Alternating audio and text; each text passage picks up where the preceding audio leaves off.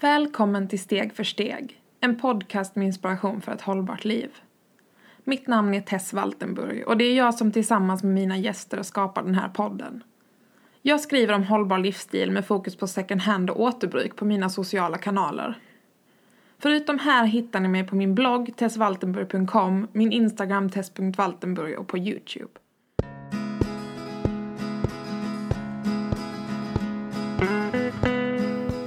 Dagens avsnitt träffar vi Jonna Elofsson Bjesse, kommunikatör på medveten konsumtion och en av personerna bakom podden Du, jag och jorden.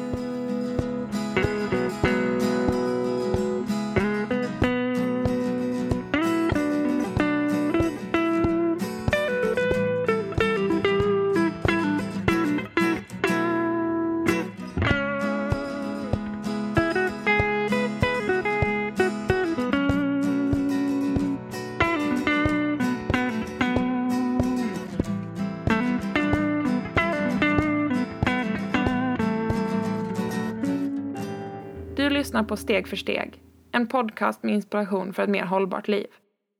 Vill du börja med att berätta lite om dig själv? Eh, ja, absolut. Var ska man börja då? Precis, den eviga frågan. Det är alltid det svåra. Ehm, nej, men jag heter Jonna och jag är väl inte egentligen någon offentlig profil eller så, utan det jag gör som är kopplat till hållbarhet är ganska många olika saker. Ehm, så först så jobbar jag som kommunikationsansvarig på föreningen Medveten konsumtion. Så det är mitt, eh, vad ska man säga, mitt dagjobb. Och sen på nätterna så är jag Batman. Eh, så då, utöver det så skriver jag på Supermiljöbloggen som är Sveriges största ehm, Sveriges största miljöblogg brukar vi säga, men det är egentligen som en nyhetssida. Mm. Ehm, så jag är skribent där och det är helt ideellt. Och sen så har jag också en, en egen podd som heter Du, jag och jorden. Mm. Eh, Som är jag, superbra. Tack så mycket. eh, som jag driver tillsammans med en eh, nära vän. Men vi började som klasskompisar när jag pluggade till miljövetare i Norrköping på Linköpings universitet. Ehm, så så började det. Jag har liksom glidit in lite på det här miljökommunikation eller Mm. hållbarhetskommunikation kan man säga. Ehm, så jag tycker om att skriva och skriva av mig. Jag jagar oftast upp mig över liksom, saker som jag ser i media och sådär. Um, gällande allt möjligt, inte bara miljö och klimat utan även typ feministiska saker eller Mm. ehm, jag är ganska passionerad över typ skogsfrågan Mm. specifikt. Alltså svenskt skogsbruk, typ. Mm. Ja, så att jag är ganska spretig som person skulle jag säga. Kommer du ihåg var allting började när det kommer till ditt hållbarhetsengagemang? Oh, ja, det är en bra fråga. Jag, eh, jag har funderat över den flera gånger. Men jag kan inte riktigt, alltså jag kan inte riktigt spåra det till någon... Gått i botten ja, men jag har funderat, var det någon så här triggande händelse eller liksom um, något jag minns som utmärkande? Men jag tror inte riktigt att det är det. Ehm, jag, jag vet att jag började äta vegetariskt ganska tidigt. Mm. Typ i tonåren, 16, 17 någonstans där. Så jag började ju tänka i lite mer normbrytande banor redan då. Men det här med miljö vet jag inte exakt när det började. Jag trodde att det började mycket senare, efter det. Alltså typ sena tonår kanske. Ehm, men sen så läste jag ett brev som jag hade skrivit till mig själv i nian. Eh, som, skulle öppnas om, som skulle öppnas efter tio år. När jag var ja, 25 då, så det var för några Mm. år sedan. Och det var ju svinkul att läsa, men då hade jag också skrivit lite om miljö. Eh, typ om regnskogen tror jag att jag hade nämnt och skrivit ut lite. Så det var ju mycket tidigare än vad jag själv minns att Mm. jag hade med mig det här. Så jag vet inte riktigt, det är lite svårt att svara på. Det har väl bara vuxit liksom, som något intresse eller eh, ja, en fråga som jag alltid bouncear back till liksom. Jag Mm. återkommer alltid till just miljö och hållbarhet. Sen så sökte jag ju mig till det och utbildade mig inom det också så att det måste ju grundas i någon form av ja, jag vet inte riktigt helt enkelt. Det är en del av mig nu i alla Det fall. är ju sällan en här linjär resa. Ja, Man lär ju sig saker hela tiden också, så hittar man nya infallsvinklar på det. Ja, men jag önskar typ att jag hade en så här triggande händelse så att det blev en bra story. Ur kommunikationsperspektiv. Ja, exakt. En liten storytelling om så här blev jag hållbarhetskommunikatör. Men, eh, men det finns inte riktigt. Det som ska stå i presentationen av en bok sen. Ja, jag gillar hur du tänker. Mm. Men om vi nu pratar om resor, känner du att det har förändrat någonting i landskapet kring kommunikationen kring hållbarhet i det stora hela? Sen du började intressera dig för det här? Ehm, ja, men det måste jag ju säga. Absolut, en hel del. Jag tänker väl att om man pratar, det är ganska olika om man pratar om klimat, miljö eller hållbarhet för det första tycker jag. Hållbarhet är ju ett ganska brett begrepp och samlar ju väldigt mycket. Ehm, typ min mamma är personalvetare och jobbar med HR. Det kan ju också räknas som hållbarhet, liksom, social hållbarhet. Men, men om man plockar ut klimatfrågan så tycker jag att det har förändrats väldigt mycket sen jag började plugga till miljövetare när jag var 21 tror jag. För ja, fem år sedan blir det väl. Så det var ju innan det här med liksom flygdebatten kom igång, Mm. innan Trump, ehm, innan skogsbränderna Mm. och sådana saker. Så det var liksom, det var mycket mer abstrakt då tror jag. Känner du att fler som inte var intresserade innan har blivit intresserade sen de här kritiska händelserna? Ja, ja men det tror jag. Jag, jag tror att liksom ribban har höjts lite.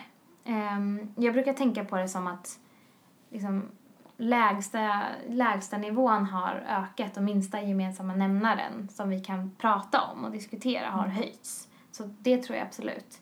Um, sen jag började jobba på föreningen för, för typ ett år sedan drygt så bara sen dess så har vi ju märkt ett mycket större intresse hos den stora massan av konsumenter ehm, inför liksom hållbarhet och klimat och sådär. Det känns som att jag tror att flygdebatten har gjort väldigt mycket Mm. just för att öka, öka medvetenheten liksom. Det går liksom inte riktigt att gömma sig från den här frågan längre som det kanske gjorde för men bara tre, tre fyra år sedan typ. Det känns som att fler förstår att vi måste göra någonting. Mm. Och där, är ju, där fyller ni en väldigt viktig funktion med det arbetet ni gör, att informera om olika sätt man kan göra det här på. Vill du berätta lite om vad ni gör Mm. inom medveten konsumtion? Ja, nej men jag tycker att vi fyller en väldigt eh, viktig roll faktiskt. För eh, om man tar flygdebatten som exempel då, då pratar man ju mycket om skam. Och det började ju med hela den här flygskammen och att det var väl aningslösa influencers, kontot Mm. liksom, som började med att belysa det dåliga i att vi flyger för mycket. Eh, vi som förening är väl kanske lite tvärtom. Så det vi finns till för är ju att Ja, vi vill ju påvisa vår negativa miljöpåverkan såklart. För det är ju det som ligger till grunden för hela den här diskussionen. Men vi vill ju lyfta de positiva exemplen. Och liksom alternativ. Hur kan du leva mer hållbart? Inte... Alltså så här, hur minskar du din negativa miljöpåverkan? Men vi lyfter det på ett positivt sätt. Så vi säger inte gör inte så här. Utan vi säger istället så här kan du tänka. Eller här finns det alternativ. Eller vissa andra gör så här. Det kanske är något för dig. Och liksom utgår ifrån individen och ens egna förutsättningar. Ehm, vilket jag verkligen gillar. Så det är en av anledningarna till att jag trivs så mycket på jobbet. För att vi får alltid lyfta de som faktiskt gör bra grejer. Mm. Och det finns ju väldigt många ehm, inom hållbarhet och sådär. Så att det, det är väl det vi finns till för. Så vi försöker undvika pekpinnar och skambegreppet och ehm, det finns så många andra som, som pratar om det så det behövs liksom inte från oss också. Det finns ju viktiga anledningar bakom, men jag tänker om folk bara sitter med den där ångesten eller skammen och sen inte vet. Jag tänker att det är så många som faktiskt inte vet det. Det är så många som vet att vi borde göra någonting, Ja. men som kanske inte vet vad man kan göra, vad som är mest effektivt av de sätten och ibland måste man kanske bara komma igång med någonting först och sen kan man gräva djupare och lära sig mer under resans gång. Mm, det där tror jag är jätteviktigt. Ehm, vi har en ganska stor målgrupp som, som liksom är aktiva och kommenterar och delar med sig och sådär som faktiskt redan är väldigt insatta i hållbarhet. Eh, som lever ganska hållbart och ja, men de är insatta i typ zero waste eller eh, plastfrågan eller vad det nu kan vara. Eh, äta närodlat, säsongsbaserat. Det finns ju väldigt många sådana som är duktiga på det. Mm. Du själv inkluderad där. Åh, smickar, smickar! ja, men det är ju så. Eh, men det finns en väldigt stor massa som vi inte riktigt når ut till heller för att den här mallen blir ganska snäv. Mm. Och det tycker jag är problematiskt. Alltså, vi hackar väldigt mycket på varandra inom miljörörelsen. Mm. Eller de som redan är typ, de som redan är frälsta. Mm. Och jag gillar inte det där. Jag vill att vi ska, alltså om jag kan, jag är ju ansvarig för våra sociala medier då, bland annat. Så om jag kan göra ett inlägg där jag typ tipsar om eh, så här kan du minska matsvinnet. Börja använda appen Karma till exempel, som Mm. finns. Ja men det kanske var revolutionerande för någon. Medans för vi som redan jobbar med det här och insatta, det vet vi redan sedan flera år tillbaka kanske. Mm. Men om vi kan liksom få in någon ny bara med ett sånt enkelt sätt. Det är liksom ganska mycket värt tycker jag ändå. Och det är toppen också, jag tänkte på det när jag jobbade i Malmö, då köpte jag ofta Mm. med mig via Karma på vägen hem. Om man Mm. inte orkade laga middag och inte ville ta kanske vanlig takeaway. Så får man det. halva priset, superbra. Ja, det är jättebra för oss som är lite, lite lata. ja. Sådär.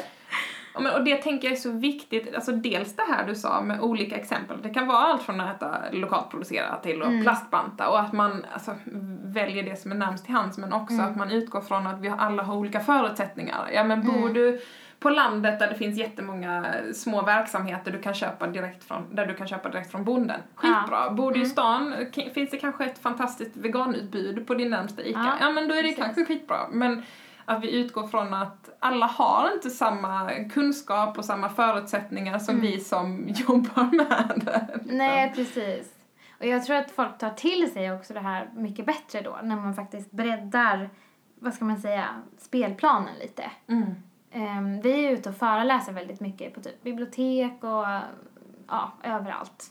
Bara om hållbar konsumtion allmänt så. Men då brukar vi alltid försöka, vi börjar liksom med någon form av omvärldsanalys och det opeppiga i Mm. frågan liksom. Det här är problemen med våran konsumtion och överkonsumtion. Men sen går vi alltid över till konkreta tips. Och då lägger vi det på en ganska basic nivå.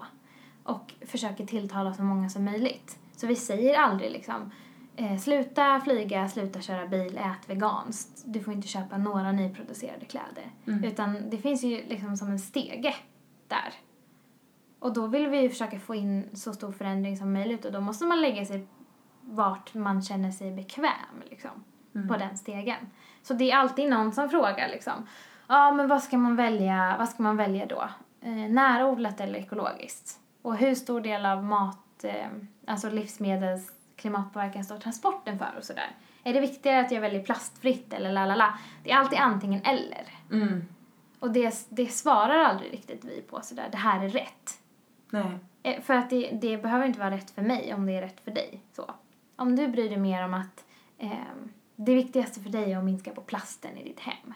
Ja men då är det klart du inte ska köpa en inplastad grönsak. Medan om du bryr dig mer om ehm, att minska rester av bekämpningsmedel, ja men då kanske du ska välja ekologiskt. Så du får ju liksom utgå ifrån det som är viktigt för dig också. Och det tror jag, det tilltalar ju människor då. Du kan, du kan alltid hitta någonting som du kan relatera till i det här. Mm. Snarare än om någon bara säger åt dig, gör så här och så här och så här och så här. Mm. Och det inte passar dig. Så, ja. Och då kanske man väljer bort det helt istället. Ja, precis. För att man känner att det där du beskrev precis, det kommer jag Mm. aldrig kunna göra och så blir det ett Mm. ouppnåeligt mål. Medan Mm. att, att välja antingen plastfritt eller ekologiskt eller vegetabiliskt, någon Mm. av de boxarna kanske man kan ticka Ja. varje gång man är i affären. Ja, Eller liksom så börja med att okej, de vanligaste grejerna jag köper kanske jag kan köpa ekologiskt. De som Mm. alltid finns. Och så. ja, men liksom bara börja någonstans. Ja. Jag tror att vi människor, alltså vi har ju den tendensen att vi vill alltid göra eh, 100%. Vi vill alltid gå all in när vi gör en förändring. Mm. Men det är kanske det är samma som med typ träning efter nyår. Mm.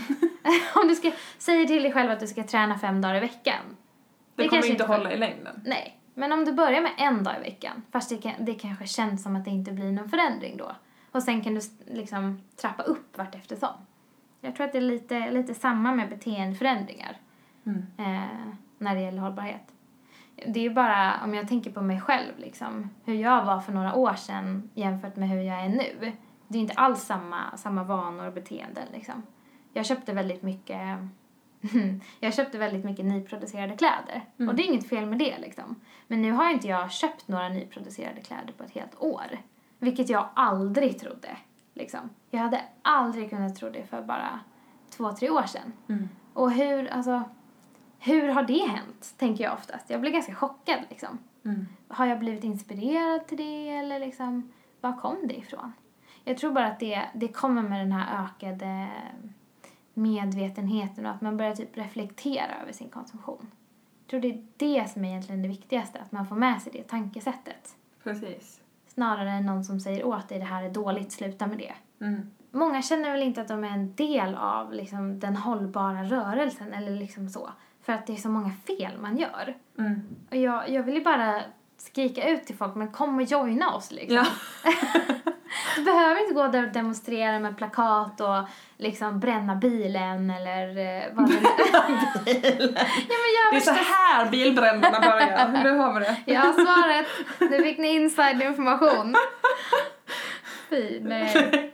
Nej men alltså, go all in och bara, nu vänder vi upp och ner på livet här. Mm. Utan, alltså, om jag tänker på mig själv bara, hur jag tänker. Jag är ju ganska bekväm av mig som människa. Jag kommer ju inte bibehålla en ny hållbar vana om det inte funkar i mitt liv. Mm. Typ. Och så är de flesta, Ja. tänker jag. Att vi, alltså, vi måste ju kunna leva också. Och många Ja. av de här vanorna ger ju väldigt mycket livskvalitet och Mm. alltså, är ju väldigt nice när man väl har kommit igång med dem. Men Ja. det är ändå en tröskel när man ska göra en förändring. Mm. Och då är det kanske bättre att börja med en förändring åt gången än att bara vända upp och ner på allting man någonsin Mm. har känt. Liksom. Ja, och sen tror jag det är viktigt att utsätta sig också för nya Mm. liksom, tankesätt och situationer och sådär. Typ som för mig, när jag började lära mig att handla på second hand, det var inte någonting som jag hade, för jag tyckte inte att det var särskilt kul ens. Alltså anledningen till att jag eh, fortsatte köpa nya kläder, det var att jag tyckte det var kul med Mm. mode och ja, man hittar alltid någonting som passar en stil, det finns alltid rätt storlek, det tar inte lång tid. Ja, men det är rätt svårt att argumentera emot det egentligen. Mm. Eh, men sen så, så blev jag vän med en kompis som är jättebra på det där, som drog med mig ut liksom. Mm. Och det, det visade mig att men det är inte så svårt, det är inte så tidskrävande. Om jag är villig att kompromissa lite med min stil eller liksom eh, Mm. inte gå efter de här modetrenderna utan snarare tänka stil. Och där gjorde ju din kompis en jättebra grej, när vi pratade om att inspirera och få Ja, med folk. Det här exakt. att bara följ med mig på second hand-runda Mm. eller följ med mig till det här vegetariska lunchstället. Att Mm. Sådana grejer är ju jättebra för jag tänker Ja. många sociala sammanhang kretsar ju trots allt kring ohållbar konsumtion Mm. eller ja, men det är middagar där det är kanske mycket kött eller alltså det är ju många Ja. sådana sammanhang jag tänker att man tror att man tar ett steg ifrån om man lever mer hållbart. Nej men då kan jag inte Mm. gå på den här festen eller då kan jag inte följa med och shoppa på helgen för det är kanske det folk gör som nöje. att Man måste hitta Mm. sina sociala sätt att göra det på också. Eller en klädbytare då, kan vi ha. Ja, hemma. men det finns så många sätt nu för tiden och jag menar det finns ju appar där du kan handla second hand nu. Mm. Eller typ, jag har lärt mig att man kan lägga in eh, bevakningar på Tradera. Mm. Där det kommer upp de märkena som du vill ha. Det är ju jättesmart. Det har jag börjat nu på senaste tiden. Och det är såna här små liksom, lifehacks som man måste få till sig på något sätt. För jag kan inte sitta och leta fram alla de här själv. Det kommer bli för mycket liksom. Och det tycker jag är en bra poäng för att jag upplever att det, med second hand är det ju så att det finns helt olika förutsättningar beroende på var i landet man bor när Ja. man pratar om vilket utbud det finns. Här i Malmö och Lund finns det ju hur många second hand butiker som helst. Ehm, men Tradera är ju toppen om man vet vilka märken man gillar sen Mm. innan. Jag vet vilken storlek, jag vi pratade med här med jeans innan. Har du haft ett Ja. par Levi's jeans så kanske du vet vilken storlek du har i dem. Mm. Utgå från det då. Man behöver kanske inte köpa jeans från ett helt nytt märke för att det kan vara lite knepigt. Ja, och det där är väldigt olika för olika människor. Jag menar, gillar man hela den här känslan av att åka ut och shoppa fysiskt och gå omkring med liksom, eh, kassar och komma ut från butiker, då kanske man ska satsa på att hitta fysiska second hand-butiker. Liksom. Precis. Eh, och det finns ju väldigt många. Och jag tror att det kommer komma fler också. Ehm, jag var ju besökte en vän nu i Malmö och var inne på deras Emmaus. Är den på gågatan? Ja, Mm. jag vet all- den. aldrig hur man uttalar det där, Ja. men eh, Emmaus, Emmaus. Emmaus, Ja. Ja. De i alla fall. Ja. Och den var ju jättefin. ja. Jag tror att den ligger i en lokal som typ har varit ett H&M Ja. eller någonting sånt. Precis. Jag tror det var H&M eller Gina Tricot. Ja, ja men någon sån här Mm, stor precis. vanlig modekedja liksom. Ja. Så den är ju väldigt fräsch. Och jag tror att Mm. det här stigmat finns ju också kvar att många ser på second hand som ofräscht och äckligt och eh, hela den grejen. Mm. Och kan man liksom ha några andra format på det Mm. så tror jag att det kan tilltala folk också. Men och det är att det också- ligger på gågatan. Precis, precis. Och det tänker jag också, det är så intressant det här med fräschhet på Ja. second hand-plagg. För jag har också sagt det till vänner, bara, men vet du vad som, om du har det här kemikaliefärgade nyproducerade plagg Ja. som också blivit provade av folk och liksom kanske Mm. Handlade och tillbakalämnade. Vet du vad som är i dem? Jag tänker att vi måste ändra den synen på vad som, ja, det, second hand-plagg är i alla fall kemikalierna borttvättade, tänker jag. Liksom. second hand, kemikaliefritt. ja. Det är det ju inte, men Nej men det är den här synen på vad är fräscht och ofräscht och liksom, Mm. Ja men den här klassiken som jag tycker att jag har hört i väldigt många fall att ja men vi vill inte ha gamla lakan från second hand Ja. men vi kan bo på hotell. Ja, Och det är ändå intressant det här att det handlar mycket om sammanhanget och hur man ramar in det. verkligen. Och att det bara behövs någon ibland som, som bara tar upp det. Precis. Nu ska inte jag ehm, liksom kasta min kära mor framför bussen. Uh-oh. Men, jag älskar henne, men jag brukar ta henne ibland som exempel på eh, så shoppingvanor och så. Jag brukar ju fråga henne när jag är där och hälsar på liksom, om hon använder alla sina skor och sådär. För hon har väldigt många par skor. Och det slutar ju alltid med att nej, men jag kanske använder tio stycken eller sådär. Och så Mm. har hon en hel, liksom, flera lådor fulla med gamla skor som hon inte gör sig av med. Och då tänker jag så här, ja, men de skulle kunna komma till användning hos någon annan. Mm. Men varför, egentligen vad är det som gör att hon inte tar sig tid att sälja dem vidare? Eller skänka dem eller så? Jag tror att det är bara en vanegrej egentligen. Mm. När man väl får in det där. Vad är det de säger? En, eh, en vana tar tre veckor. En ny vana tar tre veckor att Mm. skapa. Någonting sånt. något sånt ja. Ja. Och då kanske man bara behöver någon som pushar den. ja. Så nu har jag det som ett av mina mål, att jag ska hjälpa mamma att sälja av gamla skor. Mm. Så jag tänker att det kanske kan skapa inspiration till förändring hos henne liksom. Mm. Och inte bara jämt jobba med sig själv. För att jag tror också att man kommer ganska långt genom att leda med exempel. Men man får också utmana människor tror jag. Mm. Faktiskt, runt omkring sig. Och där är det också ett positivt sätt att utmana, tänker jag, att säga Mm. att du, jag hjälper dig. Eller Mm. som till exempel jag har sagt till vissa i min närhet att du, ska vi åka till Rekoring tillsammans? Mm. Eller också second hand-shoppa tillsammans.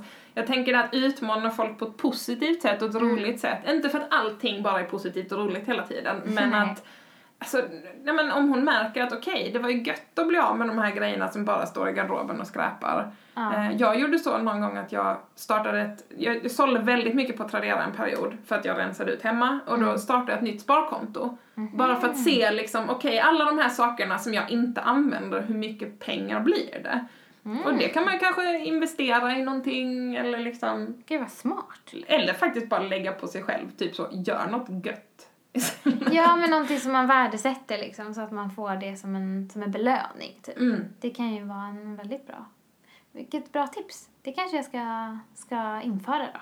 Vi jobbar ju väldigt mycket med i föreningen med att Mm. försöka främja eh, cirkulär ekonomi, som man brukar säga. Mm. Som är ett väldigt fancy, oklart begrepp. Men det är väldigt enkelt om man egentligen kokar ner det till sina minsta beståndsdelar. Mm. Det handlar ju om att, eh, att vi inte behöver köpa nyproducerat egentligen jämt. Utan att vi kan dela, byta, hyra, låna, laga, Mm. återbruka. Det är ju jättemycket som ryms i det där begreppet när vi bara utmanar oss själva att inte köpa nytt, alltså nyproducerat. Och just det här med att dela och eh, göra saker, alltså göra saker istället för att äga saker, Mm. tycker jag är någonting som vi alltså generellt sett har varit ganska dåliga på i Sverige. Mm. Liksom, vi umgås alltid kring någon form av konsumtion. Mm. Vi ska äta och köpa mat eller så ska vi shoppa liksom. Eller så tar vi bilen och åker till ett shoppingcentrum. Mm. Vi måste kunna liksom umgås på andra sätt och ta hand om varandra utan att konsumera. Mm. Och umgås på sådana sätt. Och det tycker jag är... Alltså pratar man om konsumtion så måste man också bredda det begreppet lite. Mm. Så att det rymmer mer. För att konsumtionen i sig är ju inte ett problem. Det är bara sättet vi konsumerar på nu. där om alla skulle leva som en svensk skulle vi behöva fyra planeter liksom. Mm. Hur kan vi hur kan vi göra det på ett roligt sätt så att vi får ner det till en planet och inte bara, nej men vi måste sluta köpa nyproducerat. För det är inte så himla inspirerande. Utan kan vi göra det genom att liksom, ja men typ åka på spa med mamma istället för att vi tar en shoppinghelg liksom. Mm. Det kan ju nog de flesta signa upp på, tror Och jag. hur kul är de där prylarna egentligen om man jämför Mm. med att faktiskt göra någonting? Och det tycker jag är intressant för att jag har hamnat i några sådana diskussioner, men vad händer om vi slutar konsumera, om alla hoppar av ekorrhjulet? Mm. Och det är absolut en rimlig poäng, men jag bara, men jag konsumerar. Det är bara att istället Mm. för att köpa ett par nya skor så går jag och konsumerar servicetjänster för att laga mina gamla. Alltså så här, Mm. sen så, ja, sen är det absolut, okej men vi kanske också behöver ifrågasätta hur vår ekonomi ser ut. Såklart. Men det är ju inte så att vi behöver sluta konsumera helt. Vi behöver kanske Nej. bara sluta konsumera nyproducerade prylar, se till Mm. att de affärsmodeller som finns utgår från att okej, man kanske gör en ny sak men sen Mm. erbjuder lagningstjänster. Jag tänker typ Nudie som jag har ett par jeans Ja. från. Ja men du kan gå in och lämna lämna in i deras repair shops istället Mm. för att köpa ett par nya jeans varenda gång de går sönder. Precis. Vi måste ifrågasätta hur vår konsumtion ser ut. Ja, men eller repamer.se. Jag vet ju Precis. att Henning har ju varit med här i podden Mm. tidigare. Ehm, det är ju ett klockrent exempel. Mm. Som, återigen, oss som är lite lata och sådär. det är perfekt med liksom skräddare på postorder. Ja. Om jag av vilken anledning nu det än är som gör att jag inte går till min kvartersskräddare, eller, för jag gör ju inte det, många gör ju inte det. Om det då kan ehm, liksom hjälpa mig att jag skickar in det istället på postorder, det är väl svinbra. Vi lever i en globaliserad, digitaliserad värld som vi säger. Ja, Mm. det finns problem med det, självklart. Men det finns också extremt stora möjligheter. Mm. Typ folk som bor ute på landsbygden. Hela den här bildebatten, hela kostdebatten, alltså det som du sa innan, det här med att ja, men alla behöver inte sluta eh, köpa nyproducerat. Men det blir ju oftast den mentaliteten. Mm. Det är lika löjligt som att säga alla måste bli veganer liksom. Mm. Då får man ju inte med det nyanserade i den här debatten. Att vi faktiskt måste prata om hur, vilket håll behöver vi röra oss åt snarare än det här är våran målbild liksom. Mm. Alla behöver inte sluta eh, konsumera, köra bil, flyga, äta kött, jada jada. Den här mallen som finns, alltså det har vi pratat om ganska mycket i, i våran podd, jag och Milla. Att den här mallen för att vara en hållbar människa, den håller på att bli alldeles för snäv. Och Mm. jag tror att vi exkluderar människor i en mycket högre utsträckning nu än vad vi har gjort tidigare. Mm. Och det är problematiskt. För att alltså veganer och jordbrukare eller eh, vad det nu kan vara. En, flyg, en influencer som flyger jättemycket och en eh, eh, miljöaktivist. Det blir så polariserat, det blir två läger och vi kan inte prata med varandra. Och det här stör jag mig på något otroligt. Mm. Jag menar, det är ju inte som att mina perspektiv är mindre viktiga eller mer viktiga än någon annans. All, alla har ju sina erfarenheter och vi måste kunna, vi måste kunna ändå, som du sa, agree to disagree lite Mm, också. Precis. Faktiskt. Ehm, nu vet ju inte jag riktigt vart mitt hållbarhetsengagemang kommer ifrån så det blir, det blir inte Det är den här storyn igen. ja, jag måste komma på någon. Nej, men det, det är inte riktigt relevant för mig kanske, men alla har vi våra olika ingångar till hållbarhet. Mm. Eller som du sa förut också, det finns så många stories eh, om hur folk blir engagerade. Vilken väg de kommer in på, om det var att man läser en artikel eller blir meddragen på en second hand-runda eller Mm. en rekoring eller vad det nu kan vara. Ehm, det måste vi komma ihåg på något sätt, så att alla kommer inte in i det här tänket på samma sätt liksom, Mm. om man bara utgår från sig själv. Jag vet ju själv att jag har glömt lite så här hur jag tänkte innan jag lever som jag gör nu. Och ändå Mm. tänker på, jag tänker ganska mycket på kost och transport och mode och liksom giftfritt och zero waste och hela, hela paketet. Men det fanns ju en tid när jag knappt ens orkade tänka på det här med giftfritt till exempel. Jag orkade inte bry mig om eh, fluor i tandkräm och eh, innehållsförteckningar på schampo och sånt. För det var för stort liksom. Mm. Jag visste inte var jag skulle börja. Jag har dun. Confession time! Åh gud. Det är ju inte, det är inte svart eller vitt liksom. Man kan inte säga. jag tycker inte att fluor är djävulens avkomma liksom. Nu blir det dålig stämning här. Nej. Nej, men jag, det, det är exakt det här jag menar. Alltså, det är inte så lätt för oss konsumenter att veta alltid vad som är bra eller dåligt. Eller så här, i vilken skala av dålighet ligger det här? Mm. Så hur farligt är det här ämnet liksom? Just med kemikalier, det är faktiskt ganska svårt. Äter man lika mycket godis som jag gör så kanske det... Då kan det ju faktiskt finnas en poäng. Mm. Absolut. Nej, men så att eh, jag förstår och har respekt för att man inte orkar ge sig in i det här. Mm. Alltså, just kanske med kemikalier, är man engagerad i det? Typ som du har ju barn, till Mm. exempel. Och jag, i mitt jobb så, så vet jag att det finns väldigt många engagerade småbarnsföräldrar som är väldigt duktiga på det här med kemikalier. Och extremt Mm. insatta. De är liksom mer insatta än vad jag är. Mm. Så jag vågar knappt ibland ge mig in i den diskussionen med, med den gruppen. För att jag vet att de vet mycket mer än vad jag gör. Och jag så då försöker jag lära mig istället av dem. Mm. Mm. Och jag har varit med i vissa sådana föräldragrupper och ibland kan stämningen bli jävligt hetsk om man Ja. inte har koll. Och det är det jag känner det här exkluderande. Mm. Än en gång, det finns många fantastiska småbarnsföräldrar som är miljöintresserade och inbjudande men det är inte så att det, det tänker jag som ändå försöker giftminimera här hemma, som Ja. inte är superinsatt men som ändå, jag skulle väl vilja säga att jag har kommit mycket längre än många andra. Men jag skulle aldrig döma andra föräldrar för det är inte så att folk köper plastleksaker för att ha! Nu ska jag utsätta mina barn för hormonstörande ämnen! liksom. Nej, precis. Och det är inte så, alltså, att förstå det här med normer och att liksom, det är inte så att vi gör, fattar de här besluten för att vi onda människor som Nej. vill våra barn illa eller andra människor för den. Nej, och man, blir, man kan ju lätt bli ifrågasatt och jag förstår verkligen det där just med föräldrar. Det finns så många regler och jag förstår att man inte, man orkar liksom inte om man ska hålla sig till allting som sägs. Man kanske inte vet heller. Det, så, det finns ju så extremt mycket rön. Bara kring typ vad kan man äta när man är gravid, kan jag tänka mig. Att den djungeln, vågar, alltså orkar man ens med den liksom? Men jag hade en kompis som bara, jag vågar inte äta. Och Nej, det, men- det är kanske inte direkt den effekten man Nej. vill ha. Nej, det är ju lite... Eller som när jag kräktes varje dag och de bara såhär, se till att du får i dig. Jag bara, alltså jag, Ja. jag försöker behålla mat. Det är liksom Ja. mitt mål.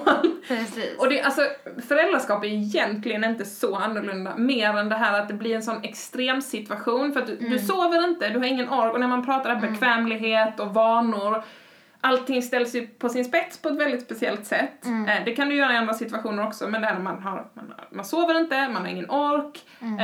eh, allting i ens liv, man försöker bara få saker att fungera och när någon Ja. då kommer och dömer en Ja. för det man inte lyckas med när man bara försöker få vardagen att gå ihop. Då Mm. blir det väldigt mycket tuffare. Ja, men vi pratade också om det här med bilåkning. Ja, men Ja. När man är småbarnsförälder kan det vara väldigt svårt att liksom, komma på bussen när det kommer fyra bussar som man inte får åka med för där redan finns en annan barnvagn. Eller, alltså det är många Ja. sådana saker som, som jag tror som, som jag, i alla fall om jag jämför med mig själv innan jag fick barn, jag kan bara utgå från mina erfarenheter, som jag inte tänkte på innan. Eh, och jag tänker att man kan vinna väldigt mycket på att försöka se de olika perspektiven och förstå att Mm. Det är inte så att folk fattar de besluten för att man är hemsk. Nej, liksom. gud. gud. Ehm, Ja. Att liksom se folk i de situationer de är i. Och folks behov liksom. Mm. Jag tror att överlag så, det är väldigt svårt att sålla som konsument. Det vet jag ju själv också men nu är jag ändå ganska insatt redan. Alltså jag har ändå pluggat miljö, jag har jobbat med det här ganska länge och jag är intresserad framförallt. Eh, och när man väl är inne i det så är det ganska mycket saker vi tar för givet tror jag. Att man borde fatta. Typ bara en sån här grej som att eh, man kan inte slänga en snusprilla i toan. Åh, vad jag har haft den här. Ja, men det fick jag höra här om veckan bara att eh, en nära liksom, kompis partner gör det. Liksom. Och hon försöker hela tiden eh, lägga på och förklara varför. Han tror bara att det är en stor konspiration tydligen. Att man inte ska kunna slänga snusprillan i toaletten. Det är klart att man kan göra det. Det är väl rimligt liksom. Han kunde inte ta till sig den informationen. Ska man behöva liksom tjata på folk då? Eller är det rätt väg? Jag vet inte. Man måste De ju... hade ju någon informationskampanj, jag tror det var på Ja. Skånetrafikens eh, skärmar så hade de om Mm. hur mycket skattepengar det kostade att rensa bort jag Det är ju tycker- svinsmart. Ja, och Ja. det är ju liksom, och det är det jag tänker också när vi pratar om ja, men det här med bilåkande Ja. och liksom sånt. Det försöker jag också säga till folk att ja men bilar på landet kostar ju mycket mindre än bilar i stan. Det är också det här, Mm. Att, att förstå, okej okay, men det kostar faktiskt samhället pengar när vi mm. fattar olika beslut. Det betyder mm. inte att det ska ligga på en individ som slänger en snusprilla eller en Nej, person precis. som åker bil i stan. Men att vi måste precis. prata om saker ur olika perspektiv och också förstå, alltså det kostar samhället pengar. Mm. Det kanske finns en rimlighet i att betala för sig om man gör saker som faktiskt kostar samhället pengar. Ja men det, det finns väldigt det är en väldigt bra poäng. Alltså just Snusskatt. Snusskatt. det blir så mycket sånt där du. Snusskam. Mm. Men det, det, det tycker jag är intressant också i Sverige där det liksom Alltså snus skadar ju inte någon annan på samma sätt som rökning. För jag tycker rökning mm. har vi ändå pratat om ganska mycket. Ja. Men jag tänker liksom, ja okej okay, snus är kanske ett, ett, ett liksom, hett ämne att uh, klampa in på. Skulle kunna vara faktiskt. Men jag, jag tycker det är jag känner mig ofta som den, eh, den osmidiga i rummet. När, mm. jag brukar vara liksom som en elefant som klampar in i en konversation och bara jaha, men visste ni det här och det här och det här? med miljödimensionen. Och det kommer jag göra med snuset nu också. För det är sån jag är. men just det intressanta med just snusen är att de flesta har koll på att cigaretter och tobaken där kommer från någon form av tobaksindustri som inte är så härlig. Mm. Men tobaken i snus eller nikotinet, kommer ju från exakt samma industri. Mm. Samma planta. Som eh, eh, skördas av barn, för övrigt. Mm. nu kommer pekpinnarna här. Mm. Men det är också så här... Vi har någon form av uppfattning om att det är svenskt snus, liksom. Mm. Det är ganska orimligt egentligen. För det är ju inte det, det kommer från samma industri. Men det marknadsförs som någonting, ett svenskt fenomen. Liksom. Och sånt här tycker jag är superintressant som etnolog, hur ja. vi marknadsför olika saker. Ja men samma sak när man pratar om olika typer av bolag som är så här, ja. som ses som väldigt svenska men som ja. ägs av globala bolag och så här att att hur vi brandar saker och det mm. tänker jag för som sagt cigaretter har vi kommit ganska långt ifrån mm. i Sverige skulle alltså jag ändå vilja säga. Alltså om man tänker, mm. vi har ändå brutit mot det ganska mycket men mm. Hur snuset ses som svenskt Ja, det är väldigt spännande. Och hur man liksom får saker också så här, alltså ur ett normperspektiv, hur ja. man får saker att normaliseras.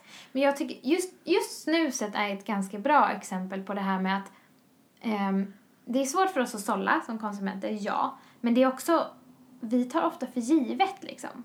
Vi, vi, um, vi kanske inte tänker så mycket över var saker kommer ifrån. För vi lever i det här överflödet där det finns alltid snus. Vi behöver ju inte fundera över vart nikotinet kommer ifrån. Liksom. Varför skulle man sitta och fundera över det egentligen? Det, finns, det är ju jättemycket att tänka på då som konsument. Jag tror att vi, vi har någon bild av att det som liksom finns på butikshyllorna är säkert. Mm. Säkert och till viss grad hållbart. Det liksom är kontrollerat. Men det är ju inte det. Det är det som är grejen. Prylarna är ju kontrollerade av företagen själva. Mm. Om de inte har någon liksom extern märkning, typ krav eller fairtrade eller bra miljöval eller vad det kan vara. Då är det kontrollerat utefter någon annans kriterier. Mm. Men annars är det bara företagen själva som kontrollerar sina produkter. Eller som gör så svenskrostat kaffe. Och det tänker jag också så här, ja. kaffe och snus är ju såna, ja. vi pratade ju om det här med kaffedrickan innan, jag är ju liksom ja. kaffekonsument men alltså jag tänker det är så lätt det här, det är svenskrostat. Okej, okay, ja. men att, att vi brandar, där är det också så här, kaffet kommer ju verkligen inte från Sverige. Nej. Uh, och jag menar, men hur vi, vi ser det ändå som ja. typiskt svenskt för att det har bara blivit så. Liksom. Ja, hur blev det så? Hur kan vi, hur kan vi komma ifrån mm. det och hur kan vi förstå att ja, det är någon som har odlat de här bönorna? Liksom. Ja, men vi har kommit så långt ifrån. Och det här återkopplar jag också till hela den här med stadsbo versus eh, landsbygdsbo, vegan, stadsvegan, hipster versus mm. bonde kanske. Att vi har kommit så långt ifrån varandra. Mm. Så att vi knappt har någon förståelse för alltså många vet ju inte var maten kommer ifrån liksom. Mm. Och det är klart, det är väl inte någonting man bör oroa sig för då. Om kaffet kommer ta slut för att vi håller på att utarma jordarna globalt. Det är väl inte någonting som ligger mig nära till hands om jag ser att kaffet finns i butiken. Alltså, är det rimligt till exempel att vi har allting året om i matbutiken? Nej. Det tycker inte jag. Jag, jag kommer inte lida om det inte finns kiwi året om. Nej på ICA. Liksom. man hade kunnat kommunicera det smart, tänker jag. Alltså det här att, jag tänker på de här frukterna som ofta finns, som jag kallar för fruktfatsfrukterna, typ såhär fysalis ja. och stjärnfrukt, de man så köper när det ska se lyxigt ut. Ja. Eh, eller typ så här, ja men passionsfrukt som man har Ja. när man ska ha en cheesecake. Jag älskar Typ. passionsfrukt. Det gör jag också, men jag tänker hade man till exempel gått ut som butik och sagt att nu har vi gjort ett medvetet val att ta Mm. bort de här, de här frukterna. Till exempel skriva att okej, vi slänger så här mycket passionsfrukt Ja. varje år. Mm. Vi väljer att lägga de här pengarna på lokalt producerad frukt eller grönsaker istället. Jag Mm. tror väldigt få konsumenter, det hade alltid funnits folk som blir sura såklart, Ja. men många konsumenter har nog, men gud vilket bra initiativ. För vi har ändå en ganska stor medvetenhet idag Mm. om man bara kommunicerar det smart. Men om man bara tar bort det, då Mm. kanske det blir såhär, men var är min passionsfrukt? liksom. Men det där tror jag verkligen på, alltså nudging och verkligen Ja men det är, som, det är samma som det här exemplet med bananerna för Mm. några år sedan. När några butiker gick ihop och sen så ehm, tog de bort vanliga konventionella bananer efter ett tag. Mm. De, jag tror de satte upp skyltar där det stod besprutade bananer och icke besprutade bananer. Mm. Istället för ekologiskt och oekologiskt. Och vissa bara sänkte priserna så att det kostade. De tog bara in ekologiska men Ja, de just det. hade samma pris. För det Just det. tänker jag att det är ju ändå ett ekonomiskt, en Ja. ekonomisk skillnad på ekologiskt och Just det, det var ju till och med någon butik som flyttade bananerna till städavdelningen för att den hade samma mängd kemikalier i skalet eller vad Ja. det var. Men var inte det vindruvor eller det var det Jo, olika? det var det säkert. Det För var det vindruvor är väl på den här Dirty Dozen, Ja, saker de är som suger upp. Mm, de är kemikaliestinna som bara den. Ja. Jag äter inte vindruvor. nu kom den, pekpinnen.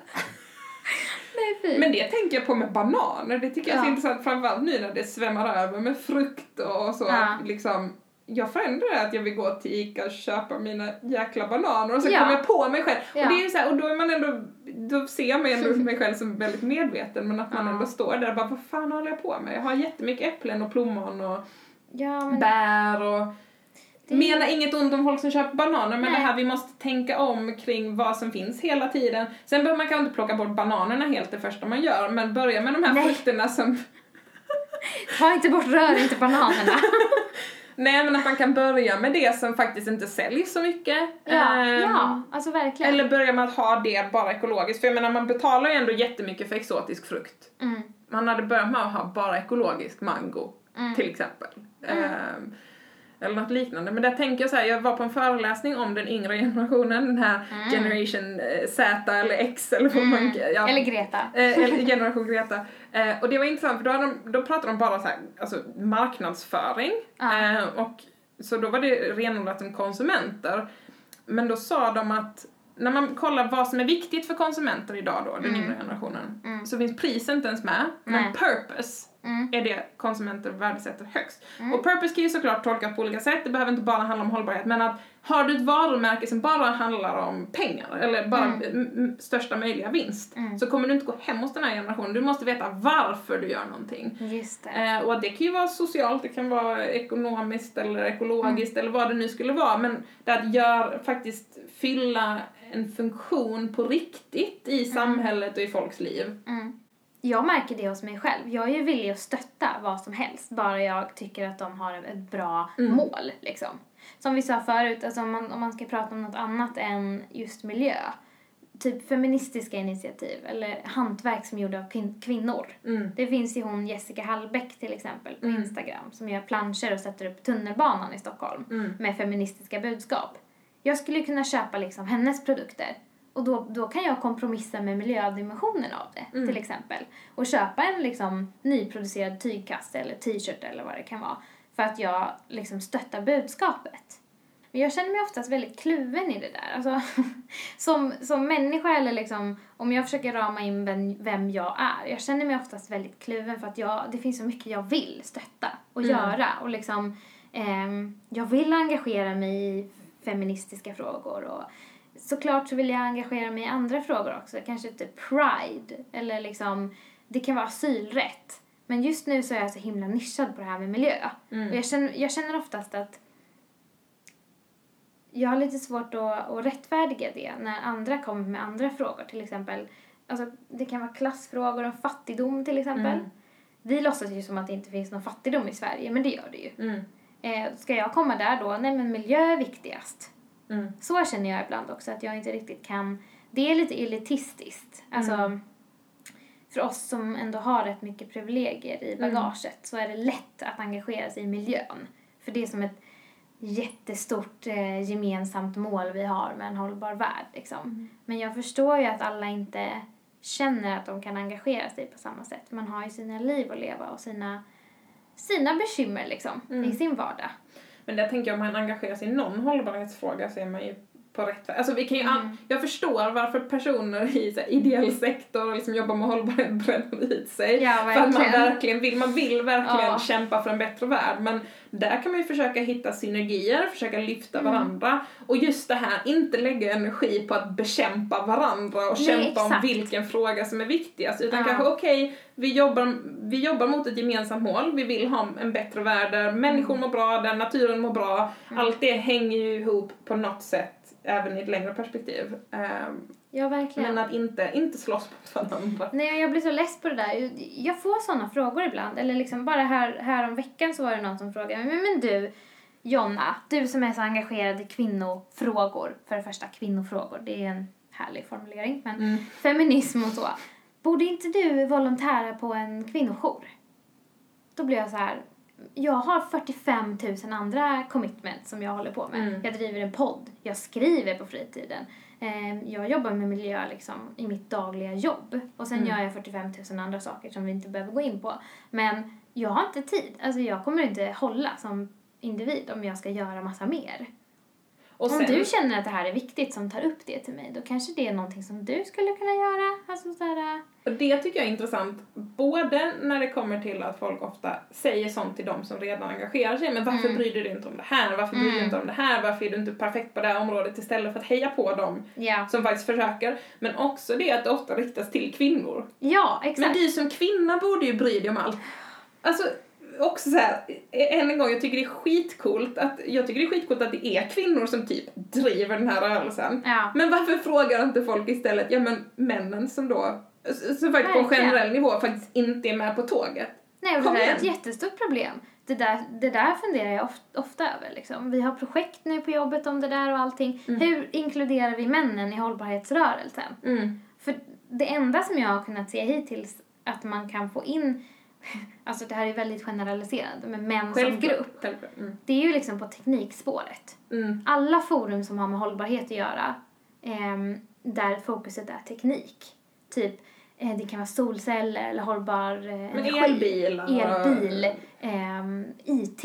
Alltså den dimensionen. Det är alltid män som dominerar. Men resten av rörelsen är bara kvinnor. Mm. Hur kan vi, hur kan vi jämna ut det liksom? Mm. Jag tycker det är en jättesvår fråga. Eller vissa, vissa kockar som pratar Ja. hållbarhet, men då är Ja. det också, det tycker jag är intressant för jag tycker slow food-rörelsen är superspännande, det här att försöka gå tillbaka till rötterna. Mm. Men att så fort det är då professionella kockar Ja. som ska vara jätteduktiga och prata om prima råvaror, då går det också. Liksom. Så sant. Och sen är det ju som sagt, det är generaliserande men det är ändå intressant här Måste vi bygga på redan befintliga normer Ja. för att liksom, starta en hållbarhetsrörelse? Eller är det kanske att män också borde dra sig till mer kvinnliga värden, traditionellt kvinnliga värden, så att just att bry sig. Mm. Att det kan inte bara ska handla om teknikintresse eller matintresse eller liksom Ja. att då göra karriär inom någonting utan mer så här: okej men hur kan vi få män att bry sig mer generellt liksom? Ja, men också kanske lite tvärtom. Alltså, vi kanske är lite, jag vet inte, nu, vi, gruppen kvinnor hållbarhetsengagerade, vi, vi, Representera hela den är ganska mångfaldig, men vi kanske är lite pluttenuttiga och liksom, jag vet inte, vi Mm. kanske har lite för mycket fokus på, på traditionellt kvinnliga eh, saker liksom, jag vet inte. Men det är faktiskt intressant för jag lä- jag läste någon artikel, nu, jag kommer inte ihåg exakt, men Ja. där, där tog de upp det här att kvinnor ofta gör förändringar i hemmen för att det är det man känner att man Mm. kan bry sig om, det är det man har makt över.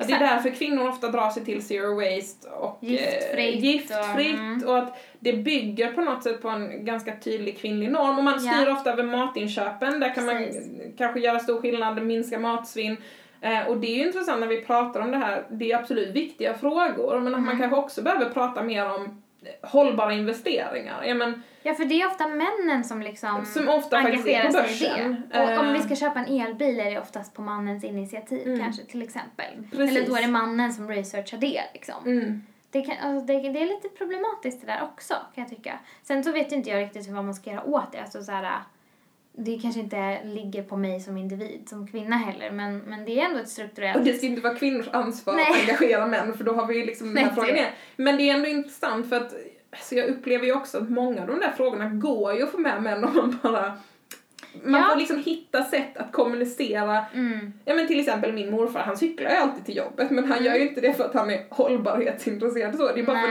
det är någonting han alltid har gjort. Man kanske behöver hitta nya vägar. Ehm, och sen tror jag också faktiskt det är en generationsfråga. Jag upplever Ja, ändå det tror jag. de, de män jag pratar med som är engagerade Mm. är liksom ändå ofta yngre och det är intressant att höra varför, Mm. varför de tänker som de gör och liksom Ja, men det är väldigt intressant faktiskt. Det är någonting som jag har in, intresserat mig för lite mer på senaste tiden. Mm. Alltså så här som en, som en annan dimension av det här. Som in, det är kanske är lite frikopplat från just alltså, klimatförändringar, om man nu ska Mm. prata klimat, men det är ju mer en social dimension av det hela. Men genus är ju faktiskt viktigt oavsett vilken fråga man, man diskuterar egentligen. Ta som exempel bara, ehm, jag vet inte vilka det var som hade den kampanjen, men det var riktat mot H&M styrelse, eller Mm. ehm, aktieägare var det väl, med att man ville höja sömmerskornas löner. mm. Som de röstade emot. Ja, de röstade ju ner det såklart. Mm. Ehm, eller det är inte såklart, men de gjorde det i alla fall. Mm. Och det var ju, det är egentligen i grund och botten en feministisk fråga. Mm.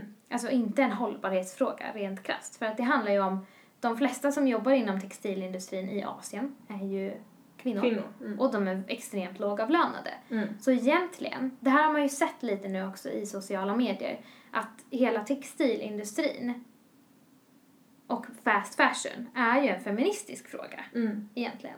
Och den är också lite frikopplad från om man bara pratar klimat. Mm. Men det är en dimension som borde tilltala fler Mm. att ändå engagera sig i, kan man tycka. Men det här känner jag att vi skulle kunna gräva i hur länge som helst. Ja. Ehm, men tack så jättemycket för att du kom hit. Tack Vi själv. får ta en uppföljare. Ja, ja, men gärna, gärna. Det finns så mycket att prata om.